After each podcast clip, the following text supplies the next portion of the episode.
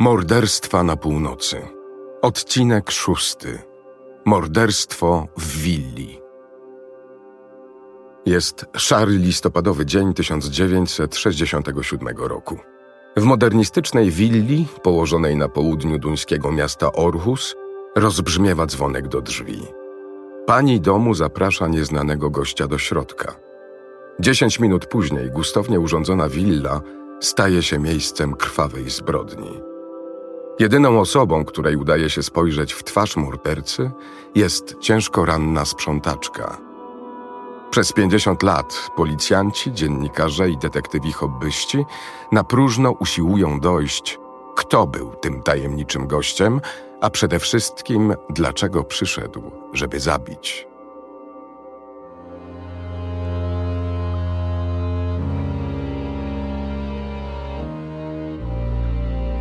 Słuchasz morderstw na północy.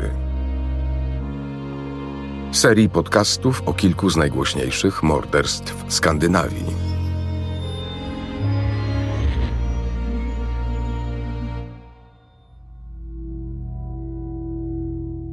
Opis tych przypadków powstał w oparciu o źródła publicznie dostępne, takie jak wywiady, doniesienia prasowe i akta sądowe. Dla zapewnienia odpowiedniej dramaturgii przekazu, w części przypadków pominięto pewne szczegóły, jeśli uznano je za nieistotne. Prosimy pamiętać, że nasza seria zawiera sceny przemocy, które dla wielu osób mogą się okazać zbyt drastyczne. Historia, którą usłyszysz, jest oparta na faktach. Została zbadana i opisana przez Vivian Isabella Mcheuge Petersen, a następnie przedstawiona przez Paulinę Holz.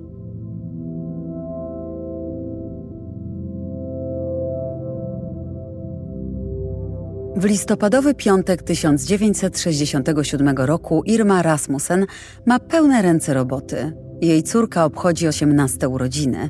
Urodziny, które zbiegają się z Dniem Świętego Marcina. Oba wydarzenia będą hucznie świętowane na wieczornej kolacji w domu Rasmussenów.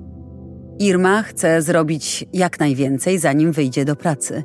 Wyjmuje z szafy serwetki i małe flagi narodowe, bez których w Danii nie mogą się obejść żadne urodziny.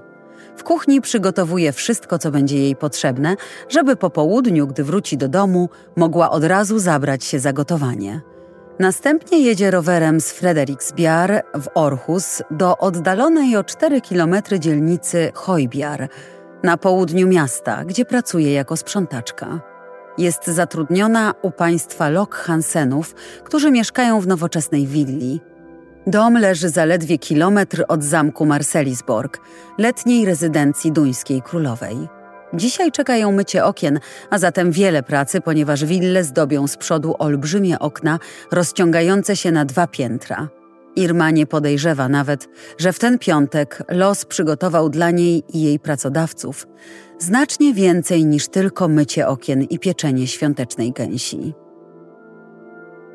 Willa państwa Lok Hansenów stoi na końcu ślepej uliczki. Ta modernistyczna kamienica z żółtej cegły jest położona na zboczu i jest częściowo zagłębiona w ziemi. Z tyłu budynku rozciągają się wysokie na dwa piętra panoramiczne okna, przez które doskonale widać ogród. Teren za ogrodem porasta las Marselis, po którym pani domu często spaceruje z psem. W leśnej głębinie między drzewami zbudowano ściśle tajny system umocnień marynarki wojennej, o czym oczywiście mało kto wie. Mary Lock Hansen to elegancka kobieta w wieku 43 lat. Jest szczupła, atrakcyjna, zawsze modnie ubrana. Nosi fryzurę w stylu Jackie Kennedy. Grywa w brydża, uczęszcza na wieczorny kurs francuskiego, zbiera antyki i jest zdolną gospodynią, która w gustownie urządzonej willi lubi organizować spotkania towarzyskie. Jej mąż, starszy od niej o 11 lat, Oskar Lock Hansen, to majętny inżynier. Odkąd sprzedał udziały w swojej firmie, pracuje jako wykładowca na Politechnice w Orhus. Tam właśnie 17 lat temu poznał Marie, która została jego sekretarką. Małżonkowie wprowadzili się do willi kilka lat temu. Najpierw mieszkali tu w trójkę wraz z Elizabeth, córką Oskara z pierwszego małżeństwa. Po wyprowadzce Elizabeth i sprzedaży firmy, Oskar wraz z żoną zyskali wiele wolnego czasu i miejsca. Z pomocą Oskara Marie założyła niewielką firmę produkującą druki niskonakładowe. Na drukarnię przeznaczono jedną z sal willi, w której niegdyś organizowano przyjęcia. Było tam dość miejsca dla drukarek matrycowych i maszyn sortujących. Biznes udało się rozkręcić tak szybko, że wkrótce Marie musiała zatrudnić sąsiadkę, Lissy Christensen, do pomocy w codziennej pracy. Często panuje tutaj spore zamieszanie. W drzwiach willi Lok Hansenów klienci mijają się z kurierami, przekazując sobie klamkę z rąk do rąk. Jednak ostatni gość z piątku, 10 listopada 1967 roku, niesie ze sobą śmierć.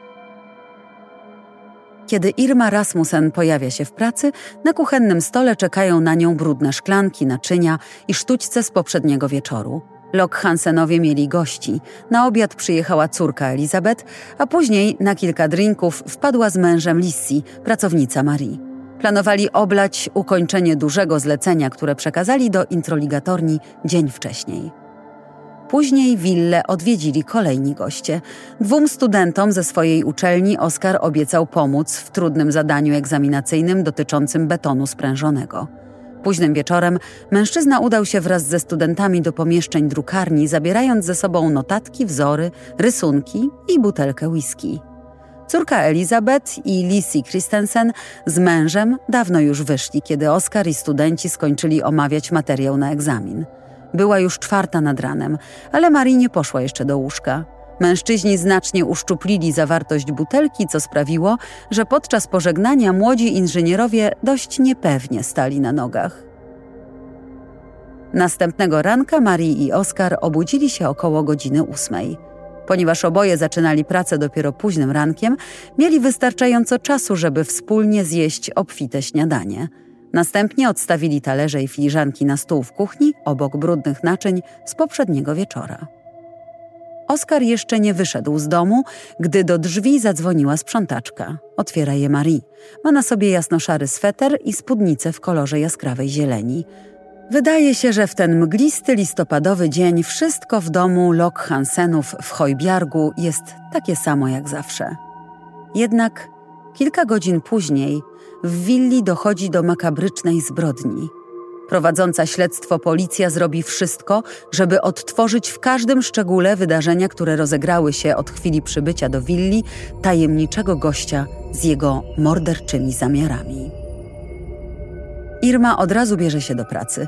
Przechodząc w willi z pokoju do pokoju, słyszy, jak Marilok Hansen pracuje w małej drukarni na dole i jak dzwoni telefon – to introligatornia, która chce się upewnić, czy ktoś na pewno będzie w domu, żeby odebrać nową dostawę książek w ciągu dnia. Po jakimś czasie sprzątaczka widzi także kuriera, który przywiózł trzy pakunki z książkami. Irma słyszy także, że Marie dzwoni do firmy w Orhus. Zepsuła się maszyna sortująca i Marie skarży się, że wciąż jej nie naprawiono, a tymczasem wokół niej piętrzą się nieposortowane arkusze. Oskar Lok Hansen wychodzi na pocztę, żeby zapłacić podatek od drukarni, a następnie jedzie na uczelnię. Już zmierza do swojego białego Forda Mustanga, kiedy Marie puka w szybę kuchennego okna. O której wracasz? pyta. Ale Oskar nie jest w stanie udzielić jej dokładnej informacji. Małżonkowie już nigdy się nie zobaczą. O godzinie 9.40 znowu rozbrzmiewa dzwonek u drzwi. Tym razem jest to kurier z pralni. Nieco później, o 10.15, do drzwi dzwoni pracownica Marii, Lisi. Ponieważ Marie jest zajęta, drzwi otwiera Irma. Zamieniają kilka słów, a następnie Lisi szybko schodzi po schodach, żeby pomóc Marii. Po kolejnej próbie wezwania kogoś do naprawy maszyny sortującej, Marii idzie do kuchni i nastawia kawę. Smaruje masłem kilka kromek chleba i nakrywa stół w salonie na drugie śniadanie. W tym czasie na dole Lisi zaczyna pracę. Ze względu na natłok zadań rezygnuje z przerwy na śniadanie i zadowala się filiżanką kawy, którą przynosi jej Marie. Lisi słyszy rozmowę i śmiech Marii i Irmy w salonie na górze. Wprawdzie wszystkie mają sporo pracy, ale zawsze znajdzie się trochę czasu na krótką pogawędkę. Mimo problemów z maszyną sortującą, Marie wydaje się być jak zwykle odprężona i w dobrym nastroju. Za chwilę znowu rozlega się dzwonek do drzwi. Irma wstaje, ale Marie powstrzymuje ją dłonią, dając do zrozumienia, że sama otworzy. Odkłada serwetkę i rusza w stronę wejścia. Jest godzina 10.48. Irma Rasmussen słyszy głosy dochodzące z holu. To mężczyzna, sprzedawca lub komiwojażer, który chce zaprezentować towar. Sprzątaczka nie rozumie jego słów, ale słyszy, jak Marie prosi, żeby wszedł. Wprawdzie mamy dużo pracy, ale jeśli to zajmie tylko chwilę, mogę pana wysłuchać, stwierdza Marie. Irmie udaje się dostrzec z salonu, jak kobieta prowadzi mężczyznę z holu do biura i zamyka za sobą drzwi. Gość ma na sobie granatowy płaszcz i kapelusz. Po krótkiej chwili sprzątaczka ponownie coś słyszy. Głos Marii brzmi tym razem nerwowo, jakby działo się coś niedobrego. Wydaje się także, że obcy mężczyzna próbuje ją uspokoić. Proszę się nie obawiać, słyszy jego głos Irma. Nagle Marii krzyczy i rozlega się strzał. Za chwilę drugi, a potem trzeci. Zaskoczona Lisi również słyszy w piwnicy trzy strzały. Zastanawia się skąd dochodzą dźwięki. Idzie w stronę schodów. Czy to był pies? Irma stoi w salonie jak sparaliżowana. Po kilku sekundach, które ciągną się w nieskończoność, powoli udaje się do holu. Nagle staje twarzą w twarz z nieznajomym. Ten spogląda na nią ze spokojem, niespiesznie podnosi rękę, celując w nią z pistoletu i strzela. Kula trafia Irmę w pachwinę. Potem leci dalej, zatrzymuje się w lewej nodze. Kobieta pada na ziemię pod wpływem silnego bólu. Irma przewraca się na brzuch i zasłania twarz dłońmi. Pozostaje w tej pozycji zdrętwiała z przerażenia. Tylko spróbuj się ruszyć. Rzuca stojący nad nią mężczyzna, ale kiedy słyszy, że odchodzi, nie może się powstrzymać, żeby nie podnieść głowy i spojrzeć na niego. Widzi jeszcze, jak postać mężczyzny znika, niczym cień w drzwiach wejściowych, zostawiając je otwarte na oścież. Upewniwszy się, że nieznajomy wyszedł, Irma woła do Lisi. Pani Christensen, niech pani wezwie policję. Lisi wybiega przez drzwi prowadzące do piwnicy i przebiega przez ogród na ulicę, żeby dostać się do sąsiadów. Na chodniku mija mężczyznę ubranego w granatowy, bawełniany płaszcz. Sąsiadka, która właśnie skręca autem na podjazd przed domem, dowiaduje się od roztrzęsionej Lisi, co się stało. Trzeba wezwać policję. W tym czasie Irma Rasmussen usiłuje przeczołgać się z salonu na taras, żeby zawołać o pomoc. Ogrodnik, który pracuje właśnie w sąsiednim ogrodzie, słyszy krzyk i rusza w jej stronę. Na tarasie znajduje przerażoną, ranną kobietę, która wyjaśnia, że ubrany w granatowy płaszcz mężczyzna strzelił do Marie Locke Hansen. Kobieta powinna być jeszcze w domu. Odkąd nieznajomy zadzwonił do drzwi, minęło około ośmiu minut. Ogrodnik wbiega do willi i znajduje leżącą na podłodze w kałuży krwi Marii. Mężczyzna biegnie z powrotem do sąsiadów, krzycząc do służącej, żeby natychmiast wezwała policję. Dziesięć minut później, o godzinie 11.08, załoga pierwszego wozu patrolowego na miejscu zdarzenia informuje o jednej martwej i jednej rannej kobiecie, wzywając karetkę. Lekarz pogotowia od razu stwierdza, że Irma Rasmussen musi szybko przejść operację ratującą życie. Karetka zostaje wysłana bezpośrednio do szpitala powiatowego w Orhus. Jednak dla policji Irma jest nie tylko ofiarą nieznanego sprawcy, lecz również ważnym, a być może decydującym świadkiem zabójstwa. Nie może umrzeć, inaczej nie będzie mogła złożyć zeznań. Karetkę jadącą do kliniki zatrzymuje wóz patrolowy, a policjanci rozpoczynają przesłuchanie leżącej na noszach kobiety. Będąca pod wpływem szoku i silnego bólu, Irma Rasmussen stara się jak najdokładniej odpowiadać na pytania funkcjonariuszy. Przesłuchanie ciężko rannej trwa 12 minut. Później kobieta opada z sił. Wykład Oskara Lockhausena na Politechnice zostaje przerwany w połowie, a docent zostaje wywołany z sali i zawieziony do domu, w którym aż roi się od ludzi. Kiedy wysiada z samochodu, przechwytuje go policjant, przekazując mu tragiczną wiadomość. Jego żona została zastrzelona, próby reanimacji spełzły na niczym. Marii nie żyje. Kula ugodziła ją w lewą pierś, przedziurawiła płuco, musnęła serce i przerwała tętnicę. Kolejna rana postrzałowa na prawym ramieniu wskazuje, że próbowała się bronić, kiedy sprawca oddawał strzał. Na wieść o tym wszystkim Oskar załamuje się, szlochając na oczach policjantów, dziennikarzy, fotografów prasowych i wścibskich sąsiadów. Śledczy zaczynają szukać śladów w willi i wokół niej. Przeszukiwany jest również las i sprawdzane pobliskie jeziora. Policjanci szczegółowo przesłuchują tak wielu świadków, że z biegiem lat udaje im się zgromadzić 20 tysięcy protokołów z przesłuchań. W powiatowym szpitalu policjanci z Wydziału Kryminalnego próbują wyciągnąć możliwie jak najwięcej informacji od wyczerpanej i ciężko rannej Irmy Rasmussen. Sporządzają opis sprawcy. Irma przypomina sobie, że był to szczupły, ciemnowłosy mężczyzna w wieku od 35 do 40 lat. Miał ciemne okulary w rogowej oprawie, granatowy płaszcz, kapelusz i czarną aktówkę, a także, rzecz jasna, pistolet. Badania balistyczne amunicji wykazały, że sprawca strzelał z pistoletu Walter P38. Ze względu na obawy, że morderca może wrócić, żeby rozprawić się ze świadkiem, na posterunku przed salą szpitalną Irmy staje policjant. Po wyjściu kobiety ze szpitala, jej dom jest bez przerwy nadzorowany przez policjantów. W jej mieszkaniu zostaje nawet zainstalowany radiowy system alarmowy, przez który w każdej chwili można wezwać pomoc. Pomimo dokładnego opisu sprawcy, policjantom nie udaje się zdobyć żadnych innych poszlak. Śledczy prześwietlają każdy fragment życia Marii Lock Hansen w nadziei, że coś naprowadzi ich na motyw tego dokonanego z zimną krwią morderstwa. Marie miała 43 lata, kiedy zginęła od kul zabójcy. Wprawdzie razem z mężem prowadziła życie uprzywilejowanej klasy społecznej w pięknej willi w Hojbiar, jednak w przeszłości żyła w znacznie gorszych warunkach. Wychowywała się jako jedna z sześciorga rodzeństwa w Lisbiar, w północnej części Orhus. Jej rodzice byli dość biedni. Aby wyżywić liczną rodzinę, ojciec ciężko pracował w rolnictwie jako niewykwalifikowany robotnik. Zmarł w wyniku udaru mózgu, kiedy Marie miała zaledwie 10 lat. Już w dzieciństwie postanowiła zrobić wszystko, żeby poprawić swój byt.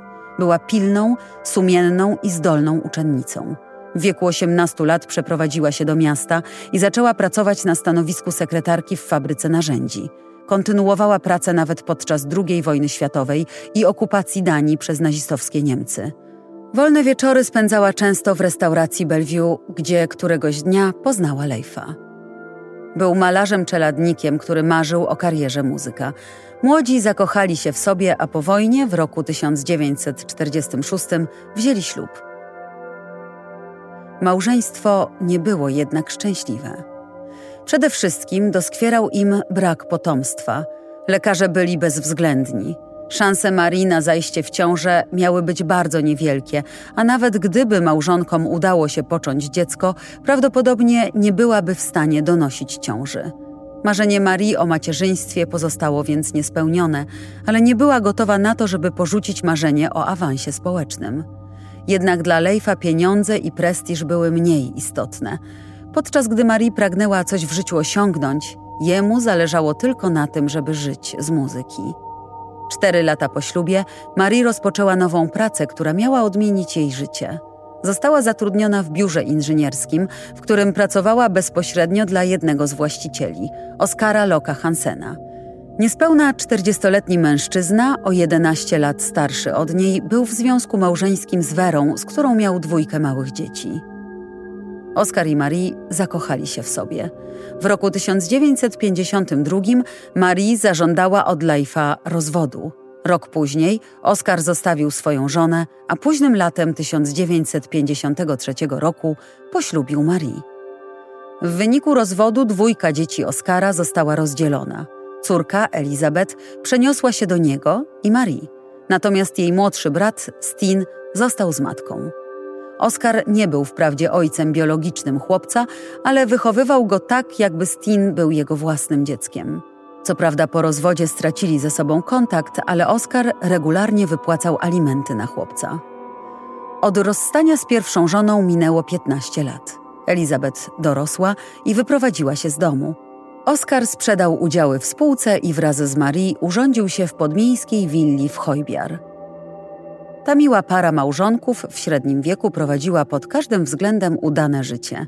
Oddany pracy i lubiany przez studentów wykładowca, biorący czynny udział w lokalnej działalności politycznej i jego małżonka, która rozwinęła własny biznes, pomyślnie zasymilowała się ze społeczeństwem i prowadziła takie życie, o jakim zawsze marzyła. Dlaczego morderca zapukał właśnie do ich drzwi? Zabójstwo odbija się szerokim echem, a funkcjonariusze prowadzący dochodzenie wkładają ogrom wysiłków w rozwikłanie sprawy. Irma Rasmussen, jedyny świadek, jest regularnie proszona przez policję o oglądanie licznych zdjęć potencjalnych sprawców, dołączonych do akt sprawy. Wszyscy mają nadzieję, że uda jej się rozpoznać mordercę. Jeden z nich, według niej, faktycznie przypomina poszukiwanego przez policję człowieka. To adwokat z Hojbiar, którego nazwisko pojawia się na liście posiadaczy pistoletu Walter P38. Policja, która pewnego dnia składa mu wizytę, stwierdza, że ma on również granatowy bawełniany płaszcz, kapelusz i czarną aktówkę. Mężczyzna zostaje przesłuchany na posterunku, a jego broń jest poddana badaniom kryminalistycznym. Specjaliści jednak stosunkowo szybko dochodzą do wniosku, że pistolet ten nie był narzędziem zbrodni. Mijają miesiące i lata, a policji wciąż nie udaje się rozwiązać sprawy. Ludzie zaczynają snuć przedziwne teorie i spekulacje. Czy w przeszłości Marii Lock Hansen wydarzyło się coś, co kobieta przypłaciła życiem? Czy podczas okupacji poznała skrywaną przez nazistów tajemnicę, która zemściła się na niej po tylu latach? A może była przypadkowym świadkiem czegoś, co było związane na przykład z tajnym systemem umocnień marynarki wojennej w lesie sąsiadującym z ich domem? Czegoś, co było tak niebezpieczne, że trzeba było zmusić ją do milczenia? Czyżby była szpiegiem? Albo padła niewinną ofiarą pomyłki? Co jakiś czas pada także imię kobiety, która zasłynęła tym, że podczas wojny wydała nazistom wielu członków ruchu oporu. Były z Marilok Hansen w tym samym wieku. Obie miały krótkie czarne włosy. Czy sprawca zwyczajnie pomylił osoby? Przy wsparciu Policji Królewskiej w Kopenhadze śledczy podążają za każdym tropem i badają każdą możliwą okoliczność. Aby wykluczyć zazdrość, jeden z najczęstszych motywów zbrodni, zostaje ponownie przesłuchane całe grono znajomych Marii. Policja chce się upewnić, że nie wchodził tu w grę na przykład romans. Nie udaje się jednak znaleźć niczego, co miałoby na to wskazywać. Irma Rasmussen, która słyszała, jak pani Lock Hansen witała nieznanego gościa u drzwi, była przekonana, że nie mógł to być ktoś, kogo Marie znała wcześniej. Częstym motywem zbrodni bywa także chciwość. Oskar Lock Hansen był zamożnym człowiekiem. Ponadto wyszło na jaw, że dzień przed zabójstwem małżonkowie podpisali umowę majątkową i sporządzili testament. Adwokat Lock Hansenów właśnie wysłał dokumenty do sądu w celu ich poświadczenia. W myśl zawartej między małżonkami umowy, majątek Oskara miał być odtąd ich wspólnym majątkiem – testamencie Oskar ustanowił żonę jedyną spadkobierczynią swojego pozostałego majątku i willi, ograniczając tym samym spadek jego dzieci do zachowku. Czy bogactwo Oskara i spadek mogły być motywem zabójstwa? Śmierć Marii przed poświadczeniem umowy majątkowej i testamentów przez sąd mogłaby umożliwić jeszcze zakwestionowanie i anulowanie dokumentów. Przez wiele lat podejrzenia są kierowane w stronę biologicznego ojca pasierba Oskara. On i pierwsza żona Oskara mogliby mieć interes w tym, żeby zapobiec wydziedziczeniu potomka. Ale również tej teorii nie udaje się poprzeć dowodami. Pozostały więc spekulacje, tezy i plotki. Oskar Lock Hansen nigdy się nie dowiedział, kto zabił jego żonę aż do jego śmierci 15 lat później, w 1981 roku, nie udało się ustalić sprawcy. Morderstwo nie podlega przedawnieniu, ale nawet po 50 latach i ponad 100 tysiącach godzin śledztwa, zagadka zabójstwa Marii Lock Hansen do dzisiaj pozostaje nierozwiązana.